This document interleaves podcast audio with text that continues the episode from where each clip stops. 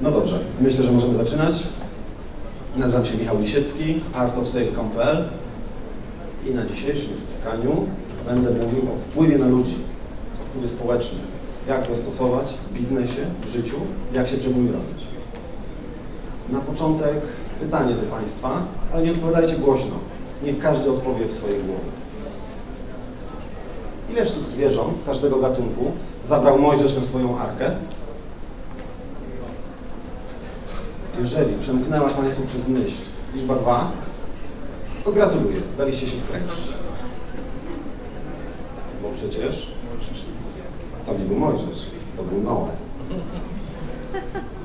A czy wiecie Państwo, że tak jak to jest tutaj napisane, to zaledwie 7% osób stwierdza błąd, reszta przechodzi na tym do porządku dziennego. I na tym właśnie polega wpływ społeczny. Bo można by zapytać, o co tak naprawdę tutaj chodzi? Chodzi o to, że osoba, która ten wpływ wywiera, ona coś nam sugeruje, coś wykonuje jakieś działania, jakiś zestaw czynności, po których to czynnościach lub słowach my postępujemy w określony sposób. W nasz umysł są wbudowane pewne automatyzmy, które są wynikiem tysięcy lat ewolucji, milionów lat ewolucji, które to automatyzmy pomagają nam przetrwać, pomagają nam przetrwać w czasach, kiedy goniły nas tygrysy szablozębe. Natomiast w dzisiejszych czasach one są wykorzystywane w dobry, w zły sposób przez praktyków wpływu społecznego.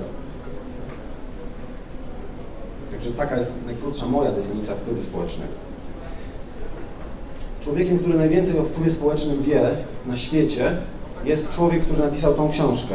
Robert Cialdini i jego książka Wywieranie wpływu na ludzi. To jest taka podstawowa lektura, od której należy zacząć swoją edukację, jeżeli chodzi o wpływ społeczny, dla każdego. Tam są opisane, ponieważ pan, pan, pan profesor Cialdini, on przeprowadził setki eksperymentów psychologicznych na żywych ludziach, nie martwcie się, nic się nie stało. I w wyniku tych eksperymentów powstała pewna baza wiedzy i on tą wiedzę uszeregował, posegregował, wyekstrahował z tej wiedzy sześć zasad wpływu społecznego, które ja tutaj postaram się moimi skromnymi środkami jak najbardziej Wam przybliżyć. Przejdźmy zatem do omawiania każdej z tych zasad z osobna. Pierwsza zasada jest to zasada wzajemności. Mówi ona w największym skrócie to, że jeżeli ktoś wyświadczy nam przysługę, to my czujemy się w obowiązku tą przysługę oddać. Jeżeli ktoś da nam cukierka, to my czujemy się takim wewnętrznym obowiązku, mniej lub bardziej intensywnym, w jakiś sposób odwdzięczyć się za tego cukierka. Jeżeli chodzicie do restauracji, to kelnerzy wręczają Wam wraz z rachunkiem takie malutkie cukiereczki. To jest właśnie najprostszy i chyba takim, taką rzecz, którą każdy może się spotkać, metoda właśnie tego wpływu na, na nas jako na ludzi.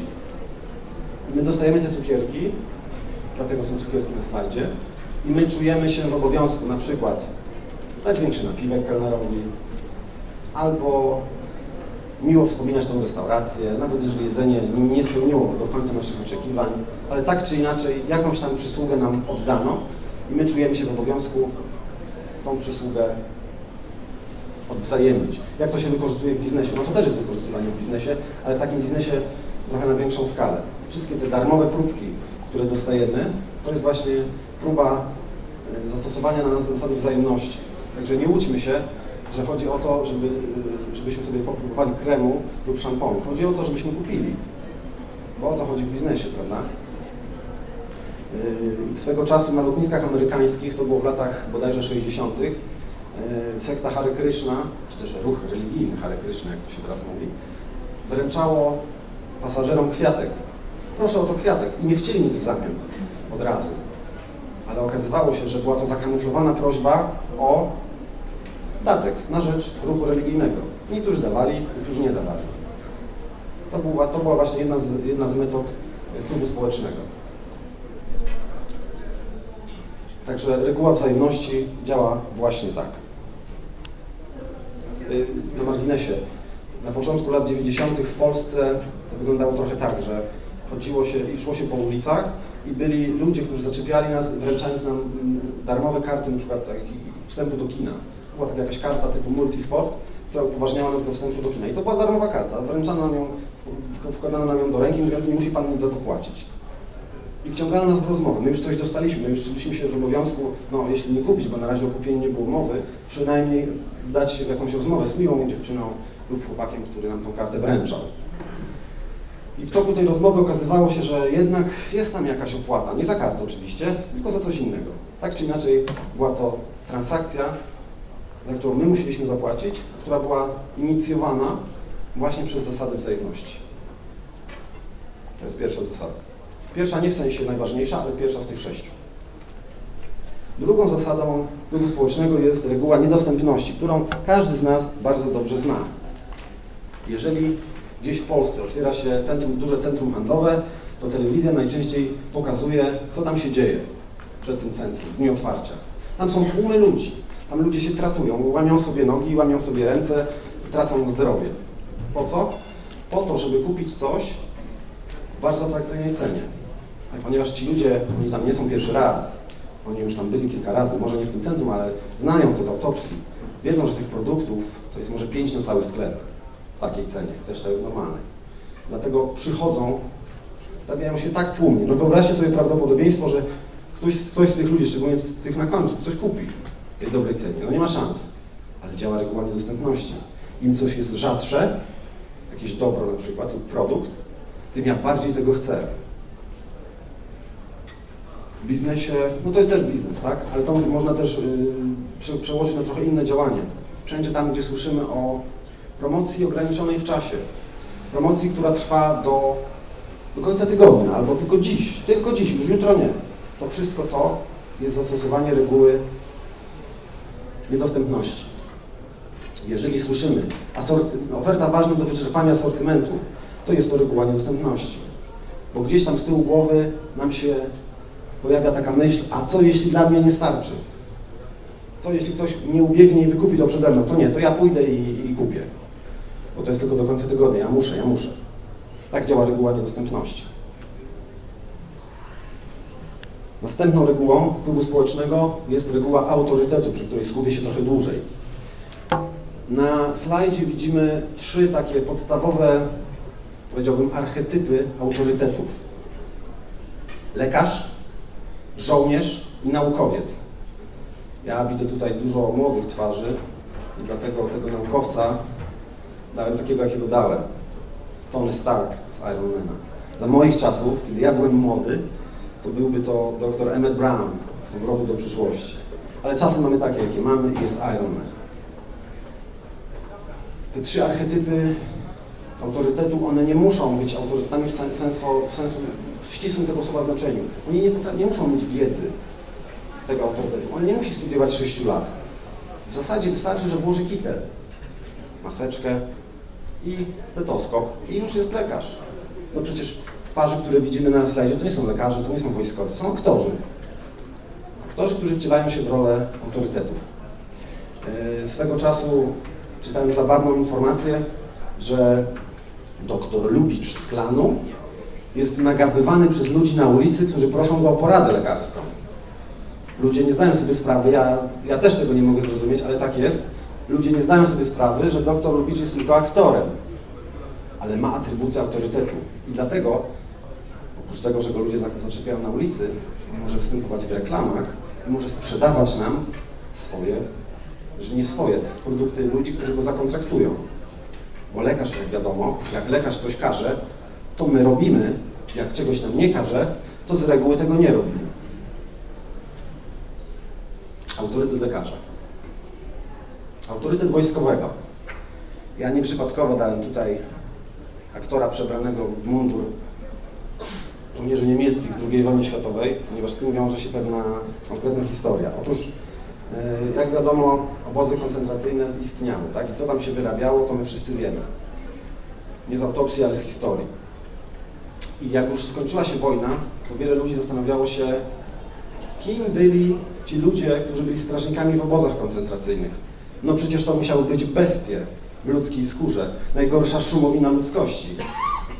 Nie chcemy mieć z nimi nic do czynienia. Skąd oni się w ogóle wzięli? A kiedy zbadano ten temat dokładniej, to się okazało, że oni byli ludźmi jednymi z nas, to byli normalni ludzie. Normalni ludzie, którzy gdyby nie sytuacja, w jakiej się znaleźli, to by funkcjonowali tak jak każdy z nas na co dzień. Jak do tego, jak się to okazało, w jaki sposób można było dojść do takich wniosków. Otóż w latach 60. amerykański naukowiec Stanley Milgram zrobił takie doświadczenie o autorytecie władzy, w jaki sposób my poddajemy się autorytetowi władzy. Tą władzę uosabiał wojskowy lub naukowiec. Powiem w skrócie, o co chodziło w tym doświadczeniu. Były dwa pokoje. W jednym pokoju siedział facet, podłączony kablami, miał podłączone kable do skóry. W drugim pokoju siedział facet przy maszynie, która puszczała prąd. On tam miał zestaw, zestaw przełączników od takich napięć niegroźnych, typu bateria 4,5 V, czyli sami wiemy, że to jest takie w sumie niegroźne. Niegroźne i nie, nie, niedyskomfort, niedyskomfortowe. Nie czujemy się z tym bardzo źle, aż po dawkę śmiertelną, 450 V, która zabiła człowieka na miejscu. No i ten człowiek podłączony do tej maszyny, ten, który siedział, to był aktor.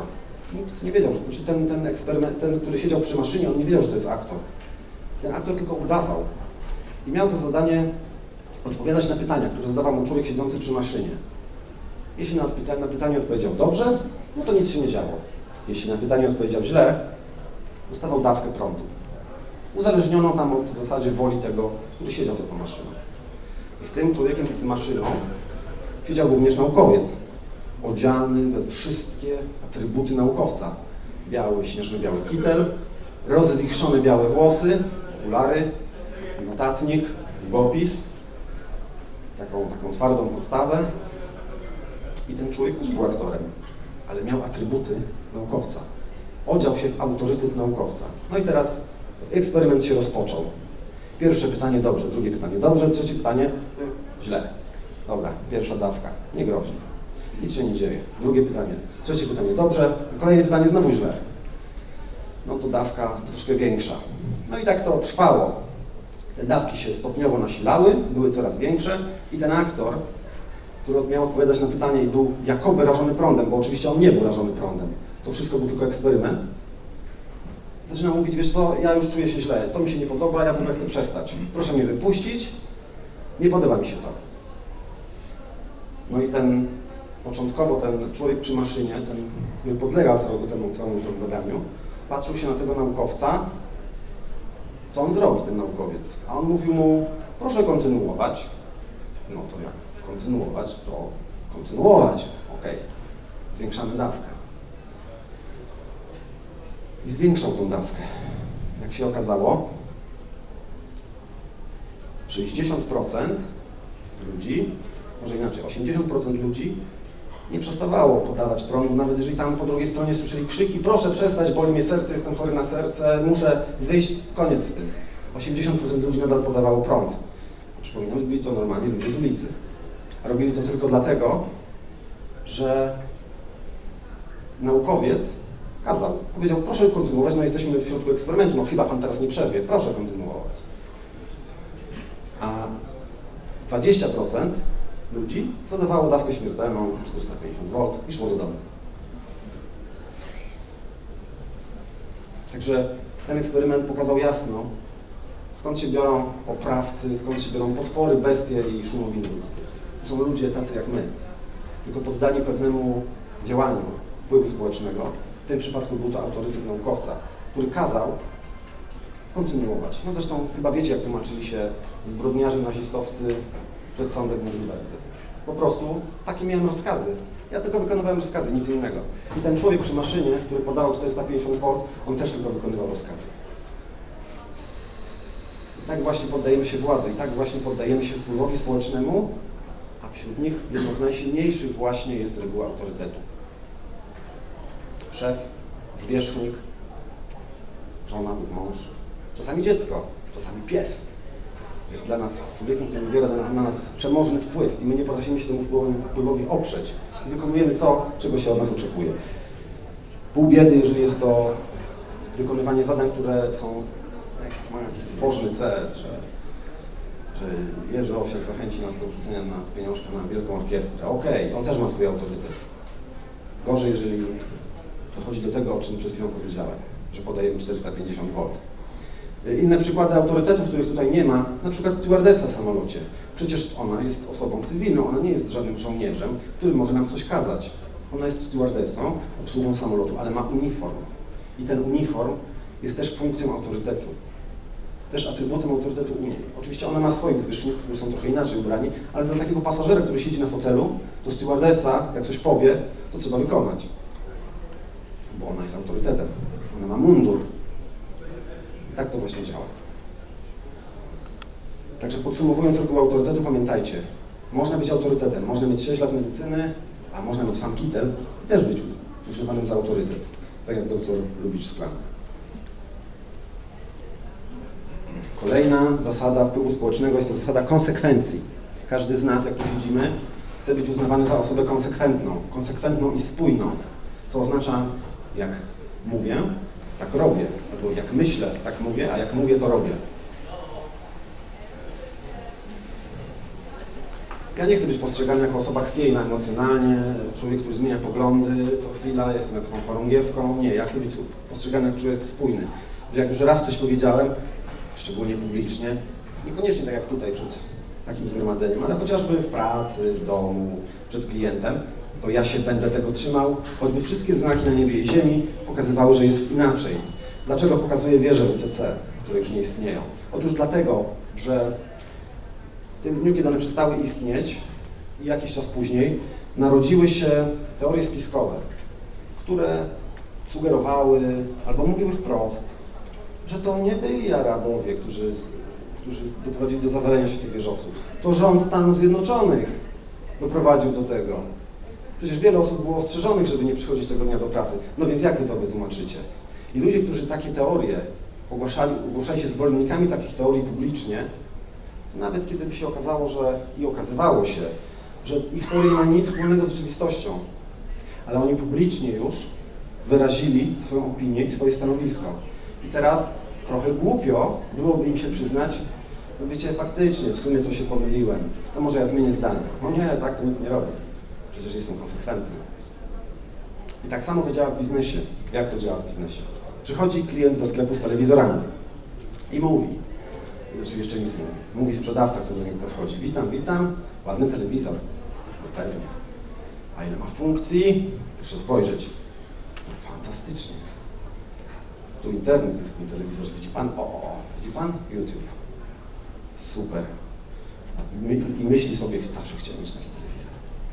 No dobra, ale pewnie drogi. A sprzedawca mówi, a proszę spojrzeć, jaka cena atrakcyjna. Wow! No rzeczywiście, cena jest super. Szczególnie jak sobie porównam cenę sprzed dwóch miesięcy tego telewizora, która była dwa razy większa. No to mówi sprzedawca, no to może Pan kupi.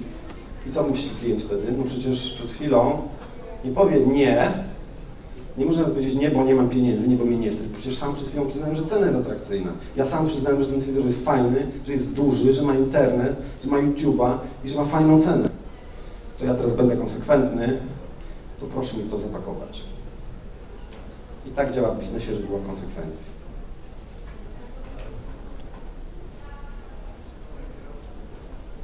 Reguła dowodu społecznego, inaczej nazywana społecznym dowodem słuszności. Dlaczego są muchy na ekranie, to być może część z Was już się domyśla, jeżeli nie, to tłumaczę. Swego czasu był taki słynny mural na ścianach. Ludzie, jedzcie kupy, 100 milionów lub much, nie może się mylić. I to jest największa i w największym skrócie podana, podany skrót, podana cała idea zasady dowodu społecznego. Jeżeli ktoś Wam mówi w telewizji, w gazecie, miliony użytkowników naszego produktu są zadowolone, to ja myślę, no to skoro miliony są zadowolone, to może ja dołączę do tych zadowolonych. Tysiące kierowców korzysta z naszych klocków hamulcowych. Jak tysiące to chyba dobre, bo jakby nie były dobre, to kto by to kupił? To ja też kupię. I tak działa zasada dowodu społecznego. Jeżeli jest jakaś masa ludzka, która używa jakiegoś produktu, to każdy, kto się zalicza do takiej grupy, a taka grupa jest najszersza, jeśli chodzi o grupy klientów, y, takich naśladowców, przyłączy się do tej masy.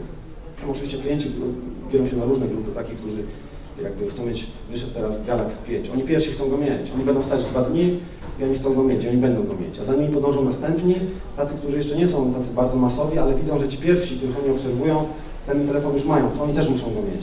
A jak już ta grupa urośnie do kilku tysięcy, to wtedy łączy do nich ta grupa, która jest grupą tych naśladowców. Oj, skoro tyle osób to kupiło, to i ja kupię.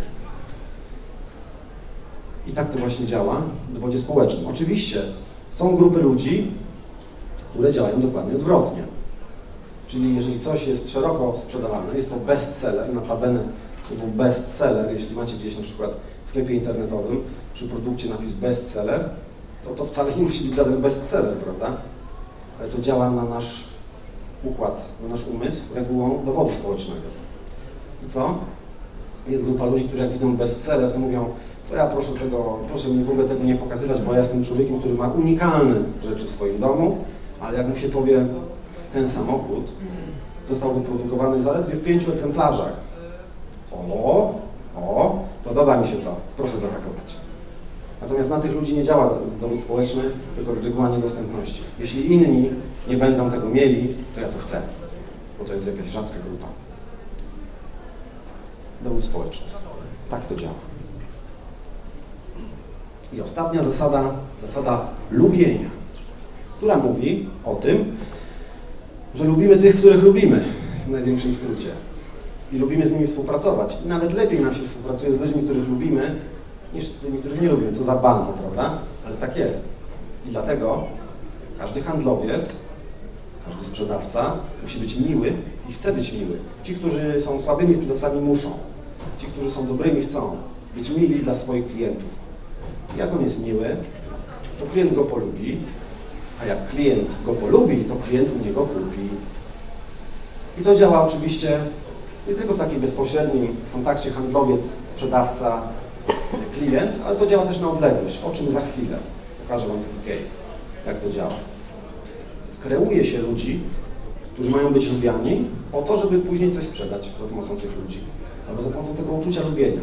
Tu internet jest akurat dobrym przykładem i cały Facebook, gdzie liczba lajków na stronie, że tak powiem, gwarantuje nasz sukces albo nie. Jeśli nie mamy lajków, to jesteśmy słabi, nikt nas nie lubi.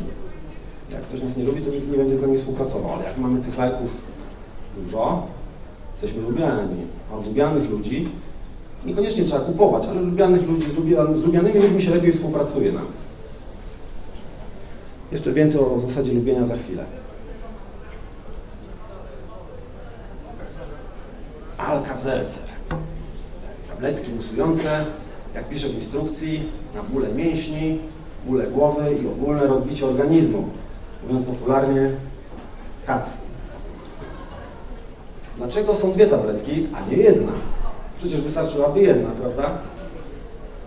Otóż firma Alka-Seltzer swego czasu zwróciła się do pewnej amerykańskiej yy, agencji reklamowej, jak tu zwiększyć sprzedaż naszych produktów. A jak to zrobić? I pani, która, bo to była pani akurat, która się zajmowała tą firmą, powiedziała tak, a ile pokazujecie tabletek, które wrzucacie do szklanki z wodą? No jedną. to pokażcie dwie, zwiększycie sprzedaż. I tak zrobili. I mamy Alka-Seltzer, dwie tabletki. Zużywa się około szybciej, trzeba kupić dwa razy częściej. Tak to działa. Oczywiście ktoś by powiedział, e, Alka-Seltzer, jeden przykład, kto tego używa? Teraz są lepsze, lepsze specyfiki. No niekoniecznie. Przypomnijcie sobie ostatnią reklamę, jaką widzieliście, gum do rzucia. Ile gum wkłada do ust y, ten człowiek, który w tej reklamie występuje? Dwie. A dlaczego wkłada dwie? No z tego samego powodu, dla którego Alka-Seltzer jest w takim, takiej bliźniaczej parze. Przecież w zasadzie wystarczy jedna, albo nawet pół dla co niektórych. Ale nie, reklamie pokazują dwie, właśnie dlatego, żeby produkt szybciej się zużywał. Ponieważ pokazują to w telewizji, tu działa zasada raz, że dowodu społecznego, bo to są najczęściej pokazywani ludzie tacy jak my. Normalni ludzie w normalnych sytuacjach życiowych, którzy używa, używają jakichś tam produktów. I my kierujemy się, mówiąc sobie, my no oczywiście wiemy, że to jest tylko telewizja, wiemy, że to jest tylko reklama, chociaż jeżeli spotka się wielbiciel pana doktora Lubicza to rzeczywiście on może nie wiedzieć, że to jest tylko reklama, może myśleć, że to są prawdziwi ludzie w prawdziwych sytuacjach. Nie, to są wszystko aktorzy. I ten człowiek pokazuje nam dwie, dwie tabletki pasty do gumy do rzucia. Dwie tabletki. No to bierzemy dwie tabletki. Często, gęsto. I zużywamy tego znowu połowę więcej. Znaczy dwa razy więcej kupujemy, kupujemy dwa razy częściej. Inny przykład? Proszę bardzo. Pasta do zębów. Przypomnijcie sobie najbliższą reklamę, bo zwróćcie na to uwagę, jak to działa w telewizji. Jak ta pasta się kłębi na tym włosiu. Jeśli włosie miałoby 20 cm, to pewnie by pokazali, że pasta na tych 20 cm jest cała rozłożona. A jeżeli przeczytamy sobie instrukcję obsługi, to co zobaczymy? Wystarczy ilość wielkości ziarnka grochu. Ale nie, my wykładamy całą tą pastę na to, na to włosie i w ten sposób zużywamy ją trzy, może i cztery razy szybciej i kupujemy ją częściej. I znowu tutaj działa reguła autorytetu i dowodu społecznego. Autorytetu dlatego, że pokazują to w telewizji, a wiele osób święcie wierzy w to, co pokazuje się w telewizji, zgodnie z zasadą, jeśli kogoś pokazują w telewizji, to on musi mieć coś ciekawego do powiedzenia, bo inaczej by go nie pokazywali, prawda? No i zasada dowodu, dowodu społecznego, o której przed chwilą mówiłem. Czy mamy jeszcze inny przykład? Oczywiście, że mamy. Jeszcze mamy dwa przykłady. Pianka do golenia. Spójrzcie, jak w reklamach ją nakładają. Po prostu tworzy się taki ptyś na dłoni. I tym ptysiem my się później smarujemy, ale później stwierdzamy, że w sumie to dwie trzecie tego ptysia zostało nam na ręku. No spróbujemy, no bo nie można tego zapakować z powrotem do tej puszki. Pianka się zużywa trzy razy szybciej, kupujemy trzy razy częściej. Szampon do włosów, to już ostatni przykład. Szampon do włosów. Jak oni leją ten szampon w tych reklamach? To się ledwo na ręku mieści, tego nie można donieść do głowy. A jeżeli zapytacie zawodowego fryzjera, ile jest potrzebne szamponu, żeby umyć głowę, on wam powie tyle, ile wynosi taka wielkość jak y, orzech laskowy. Ja, przepraszam, nie wiedziałem. No to teraz już wiesz, używaj tyle, ile powinieneś, a nie tyle, ile ci pokazują w reklamie. Ale większość osób tego na to nie zwróci uwagi. Większość osób będzie uważało, że jest to taka skrócona instrukcja obsługi tego produktu. I będzie sobie lało tego szamponu, i będzie sobie nakładało tej pianki, i będzie brało dwie pastylki gumy do rzucia i będzie wrzucało dwie tabletki, bo tak pokazali na reklamie. Także zalecam czytanie instrukcji obsługi. W wielu wypadkach pozwoli Wam to używać tyle produktu, ile naprawdę potrzeba.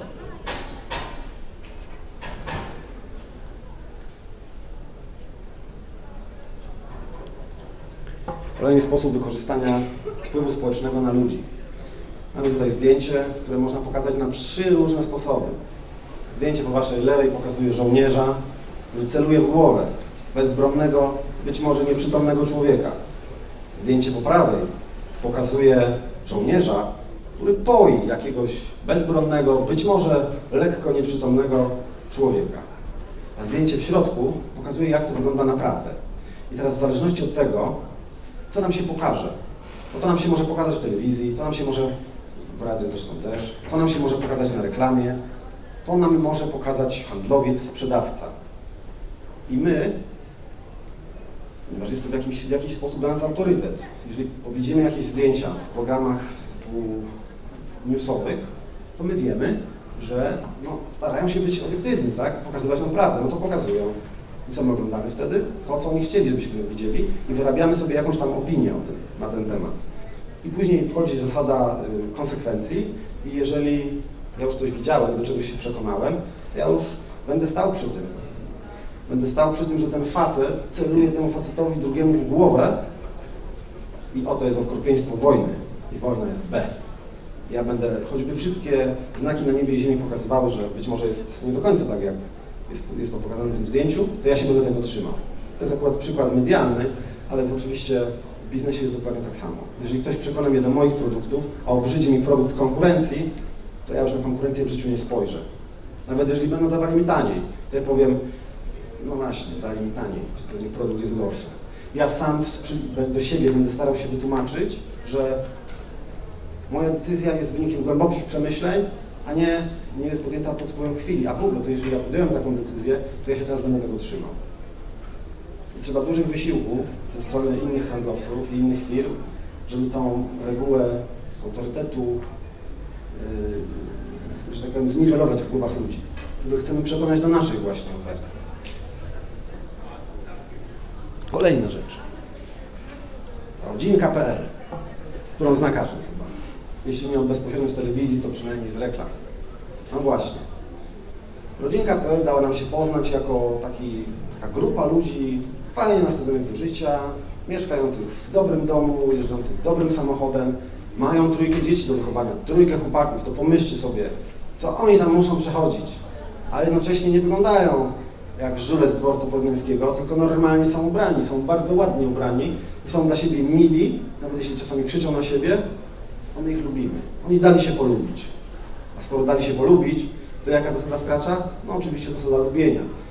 Jeżeli ktoś, kogo lubimy, coś nam poleca, to my może nie od razu rzucamy się na to, tak, to ja też tego chcę, tylko mówimy, no okej, okay, dzisiaj, którego lubię, ktoś mi polecił, to ja przy najbliższej okazji, no to przynajmniej się zainteresuję tematem, sobie sprawdzę.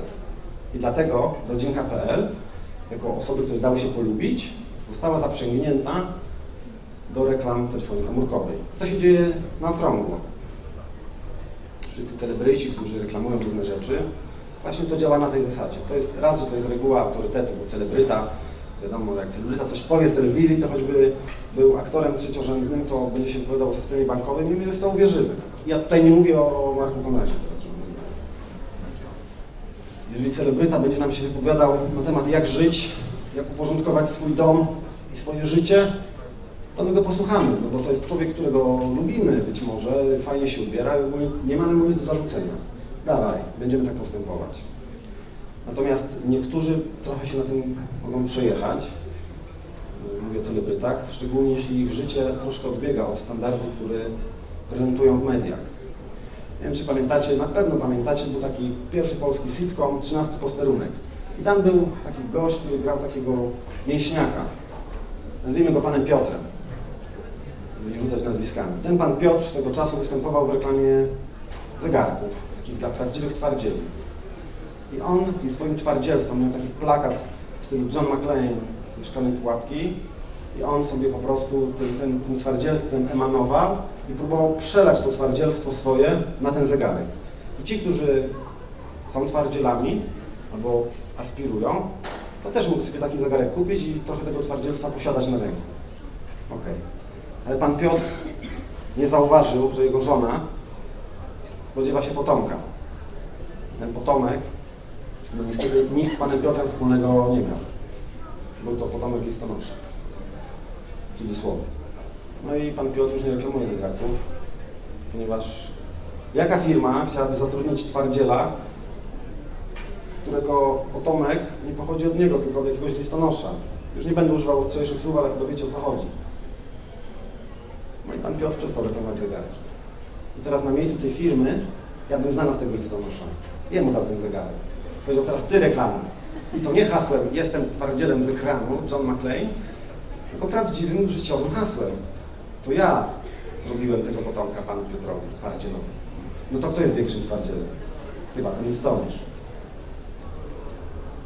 A jeżeli ten listonosz jest y, mały, gruby, łysy, kulawy, to tym lepiej, to nie szkodzi, to tym lepiej. Ludzie uwielbiają historię w stylu Dawid kontra Goliat. Szczególnie jak Dawid wygrywa. To uwielbiają wszyscy. Notabene dlatego się pomyliliście przy pierwszym slajdzie na pytanie, dlaczego Mojżesz, ile zwierząt Mojżesz wziął na swoją arkę, ponieważ i Mojżesz i Noa występowali w Biblii. I dlatego prawdopodobnie doszło do pomyłki w waszych głowach. Tych, którzy zgadli, że dwa tak na marginesie tematów biblijnych Dawid i Goliat. Ostatnio pan Zamachowski się skarżył w mediach, że już nie dostaje tyle kontraktów reklamowych co kiedyś. Dlaczego? Bo pan Zamachowski porzucił żonę i czwórkę dzieci. Ludzie przestali go lubić. I tak jak kiedyś był fajnym facetem, od którego chętnie byśmy coś kupili, no przecież ma taką szczerą twarz.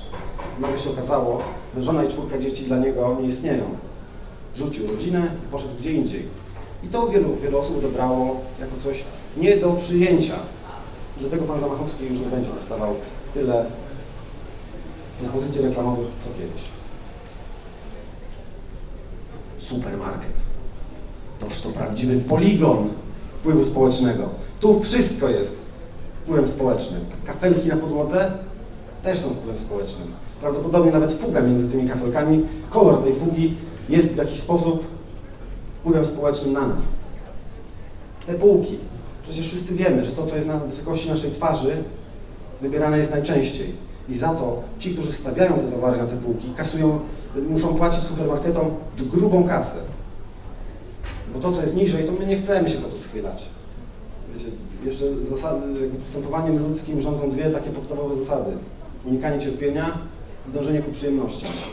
Jeżeli ja mam coś na wyciągnięcie swojej ręki, czyli wygodnie mogę sobie po to sięgnąć i wziąć, to ja to wezmę. Ja mam się schylać? Nie, to cierpienie jest u moich pleców. Ja tu nie przyszedłem po to, żeby się schylać. No to biorę to z tej półki naj, naj, naj, najbliżej mojej twarzy. Dlatego te produkty, jeżeli widzicie w supermarketach, to ci, którzy jeszcze nie wiedzą, mówię to teraz. To jest sowicie opłacone i to jest specjalnie nam postawione właśnie na wysokości wzroku, żebyście wy najchętniej po to sięgali. Zapachy, które się roztaczają w supermarketach. Są tam piekarnie. Wejdźcie do jakiego Lidla, to pierwszą rzecz prawdopodobnie, którą spotkacie, jest piekarnia. Ten smakowity zapach pieczonych bułeczek, aż robimy się głodni. No i właśnie o to chodzi. Zrobiliśmy się głodni, więcej kupimy, bo na głodnego więcej się wrzuca do wózka. Stara zasada każdego handlowca pracującego w supermarkecie. Także nie chodźcie głodni supermarketów, jeżeli nie chcecie wydać więcej niż zamierzaliście.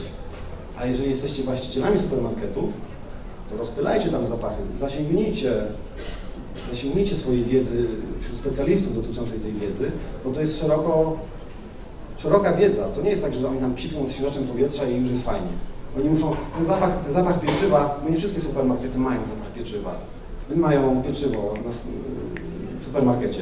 Często ten zapach jest specjalnie rozpylany, to są specjalnie dobrane kompozycje zapachowe, które są rozpylane, wywołując właśnie taki, a nie inny zapach. Poza tym, już abstrahując od tego, że robimy się głodni, to w ogóle zapach pieczywa świeżego dobrze się nam kojarzy. Chleb, ojczyzna i tak dalej. Dobrze się nam to kojarzy. To całe przestawianie towarów, że dzisiaj wchodzę do supermarketu i już nie mogę znaleźć tego, co tam było wczoraj, bo to zostało przestawione. No przecież chodzi o to, żeby nas przegonić po tym supermarkecie. Tak jak mówię, już nie będę rozwijał tego tematu więcej, bo domyślam się, że zdajecie sobie sprawę, o co chodzi. Supermarket, supermarket jest poligonem, prawdziwym poligonem, yy, można powiedzieć taką, ale w dobrym tego słowa znaczeniu, pułapką na ludzi, tak, żeby więcej kupili. Supermarket. Menu w restauracji. Pierwszy slajd o Mojżeszu, który pamiętacie, był napisany taką bardzo czytelną w sumie czcionką. Nie było wielkiego problemu, żeby odczytać. I dlatego się pomyliliście. Bo gdyby to było nieczytelną czcionką, to byście bardziej skupili swoją uwagę na tym, co jest napisane. Być może byście zauważyli, Mo Mojżesz, Mojżesz, jaki Mojżesz? To nie był Mojżesz. I tak to właśnie działa. Został przeprowadzony eksperyment, bo to, co ja pokazałem na początku, to był klasyczny eksperyment psychologiczny, który przeprowadzano na studentach Uniwersytetu w Ameryce. Jeżeli coś jest napisane czcionką bardziej taką nieczytelną, to nam się wydaje, że to jest, to jest rzecz bardziej skomplikowana. Do tego, do tego trzeba mieć jakieś większe umiejętności intelektualne. Ten eksperyment z tym Mojżeszem, kiedy było napisane czcionką czytelną, taką jak ja przedstawiłem, zaledwie 7% osób odkryło błąd jeżeli było nieczytelną czcionką, ta liczba wzrosła do 40%. 40% osób zorientowało się w trakcie czytania, że to nie jest żaden Mojżesz, tylko nowe. Co i tak w ogóle daje nam dużo do myślenia, że nawet w przypadku nieczytelnej czcionki aż 60% osób w ogóle nie zauważa różnicy, niezależnie od tego, co tam jest napisane. Mimo tego, że to przeczytali. Czasami nawet, to też był eksperyment, jeżeli jest napisane, uwaga, druk może być nieczytelny, oni i tak nie wiedzą, co przeczytali. Po prostu nie wiedzą. Znaczy wiedzą, ale nie widzą. I teraz o co chodzi z tym menu w restauracjach? Jeżeli menu w restauracji jest napisane czcionką nieczytelną, to nam się wydaje, że potrawy wymagają jakichś bardziej zaawansowanych metod przygotowania i ten kucharz, który je przygotowuje, musi być wysokiej klasy specjalista. No Gordon Ramsay po prostu. Nikt inny, tylko on. Tylko dlatego, że czcionka jest bardziej nieczytelna. No a wiadomo, że za potrawy, które trzeba przygotowywać w takim skomplikowanym procesie technologicznym i trzeba mieć Gordona Ramsaya na kuchni, żeby to wszystko ogarnął, no to sorry, ale trzeba zapłacić. Nie? To trzeba zapłacić dużo. Natomiast jeżeli menu jest napisane szczęką czytelną, to my uważamy, że to są po prostu hamburgery, które już czekają gotowe na kuchni i tylko wystarczy rzucić do mikrofali. I za takie produkty nie można rzucać nie wiadomo jakich kwot. kwot. Zróbcie sobie eksperyment w najbliższej restauracji, przejdźcie się do droższej, porównajcie sobie, przejdźcie się do tańszej, przejdźcie się do droższej. Zobaczcie, jakie są kroje. Ci, którzy są świadomi tego, o czym teraz mówię, ci z restauratorów, stosują czcionkę nieczytelną. I to najczęściej są restauracje droższe. Ci, którzy nie stosują, no to nie mogą żądać takich kwot. Z reguły są to restauracje tańsze.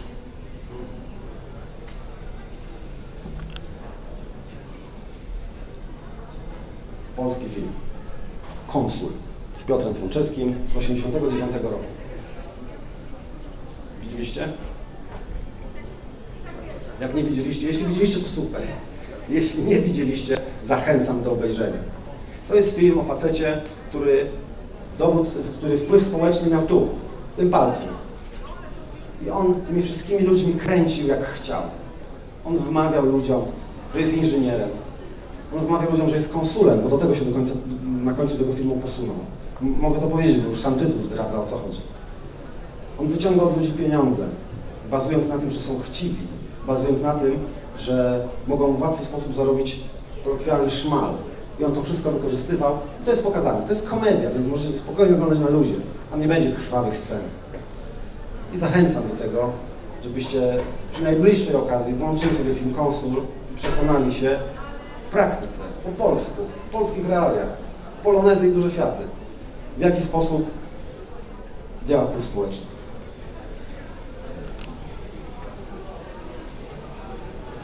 A to z kolei jest przykład, w jaki sposób my teraz, jako klienci, chcemy wpłynąć na te osoby po drugiej stronie, naszych pracodawców. Wysyłamy im nasze CV, które są nieprawdopodobnie podkręcone. Nasze zdjęcia są tak sfotoshopowane, że jak powiedziała pewna pani w takim plotkarskim magazynie, dziewczyny, nie starajcie się wyglądać jak dziewczyny z okładek, bo nawet dziewczyny z okładek nie wyglądają tak jak na okładkach. I dlatego właśnie, gdybyśmy dali zdjęcia, takie no, nasze normalne, na przykład powstanie nam z łóżka, to kto by nas zatrudnił? No pies z kulawą nogą by nas nie zatrudnił. Dlatego dajemy zdjęcia takie, jakie dajemy. Ja jakiś czas temu próbowałem podążać za takim międzynarodowym trendem wysyłania CV bez zdjęć. I wysyłałem CV bez zdjęcia. Bo jeszcze nie wiedziałem, dlaczego to się robi za granicą. Za granicą robi się to dlatego, żeby nie było posądzenia na przykład rasizm, bo, to, bo ktoś na przykład jest czarny, no to nie będę go brał, bo ja nie chcę tutaj takich. A to widać już po zdjęciu, czyli już na etapie CV mogę go odrzucić. Żeby uniknąć tego, albo ktoś jest, nie wiem, brzydki, po prostu brzydki, nie pasuje do mojej firmy. Choćby tam miał MBA od góry do dołu, ale jest brzydki. Ja go nie chcę. Żeby uniknąć tego, na zachodzie, ogólnie pojętym, wysyła się CV bez zdjęcia generalnie. Ja też tak próbowałem robić. Zgadnijcie, jaki był efekt. Mniej niż zero, jak śpiewał Lady Pan, tak? Natomiast kiedy dałem zdjęcie, to od razu sprawy przybrały inną. Poza tym, to już zdjęcie to już wiadomo, każdy chce dobrze wyglądać na zdjęciu. Natomiast y, to, co wpisujemy dalej, to też jest taka legenda. Gra o tron po prostu. Y, ponieważ, no bo, no bo dlaczego tak się dzieje? Pracodawca chce z naszej przeszłości, którą pokazujemy w CV, wyczytać to, w jaki sposób będziemy się zachowywać w przyszłości. Więc jeżeli w przeszłości daliśmy się poznać jako ludzie, którzy wykonywali zadania typu lot na Marsa, to on ma wtedy wiedzę, że prawdopodobnie, bo to nie jest takie pewne, że prawdopodobnie też będziemy tak robić w przyszłości. Natomiast jaka jest rzeczywistość, to każdy, kto zatrudniał, to pewnie wie. Tak czy inaczej, właśnie CV jest też takim przykładem wpływu społecznego, który z kolei my bardzo usilnie próbujemy wywrzeć na tą drugą stronę. Już nie powiem o tym, jak te CV czasami mogą wyglądać, bo jeżeli ktoś CV przysyła i ono w ogóle nie spełnia podstawowych standardów, ortograficznych, to też, to też nie ma szans. No i pomału zbliżamy się do końca. To jest właśnie Robert Cialdini, twórca tych sześciu zasad i autor tej książki. On jeszcze żyje, także na pewno będzie tworzył. I tak jak powiedziałem, jest najwyższym autorytetem, jeżeli chodzi o wpływ społeczny. Jego książka, właśnie Wywieranie wpływu na ludzi, jest taką podstawową, bazową lekturą dla wszystkich tych, którzy chcą się nauczyć, jak, ten, jak ten wpływ wywoływać, jak się przed tym wpływem bronić, jakie są metody, jakie są kontrmetody. Oczywiście on tych książek napisał bardzo wiele i w ogóle książek o wpływie społecznym jest bardzo wiele, filmów zresztą też, natomiast te filmy to są z reguły takie w właśnie Konsul, Ocean's Eleven, jeśli ktoś widział, to są filmy o wpływie społecznym. Także jeżeli ktoś z Was ma ochotę na wpływ społeczny, chce się tego nauczyć, chciałby liznąć trochę wiedzy, to pierwszą rzeczą, którą powinien zrobić, to przeczytać książkę Wywieranie wpływu na ludzi profesora Cialdiniego. Bardzo Wam dziękuję za to spotkanie. Jeśli są jakieś pytania, to zapraszam, a jeżeli nie, to jeszcze raz dziękuję. Cieszę się, że mogłem przed Wami przedstawić ten krótki wycinek wiedzy o ludziach. Dzięki.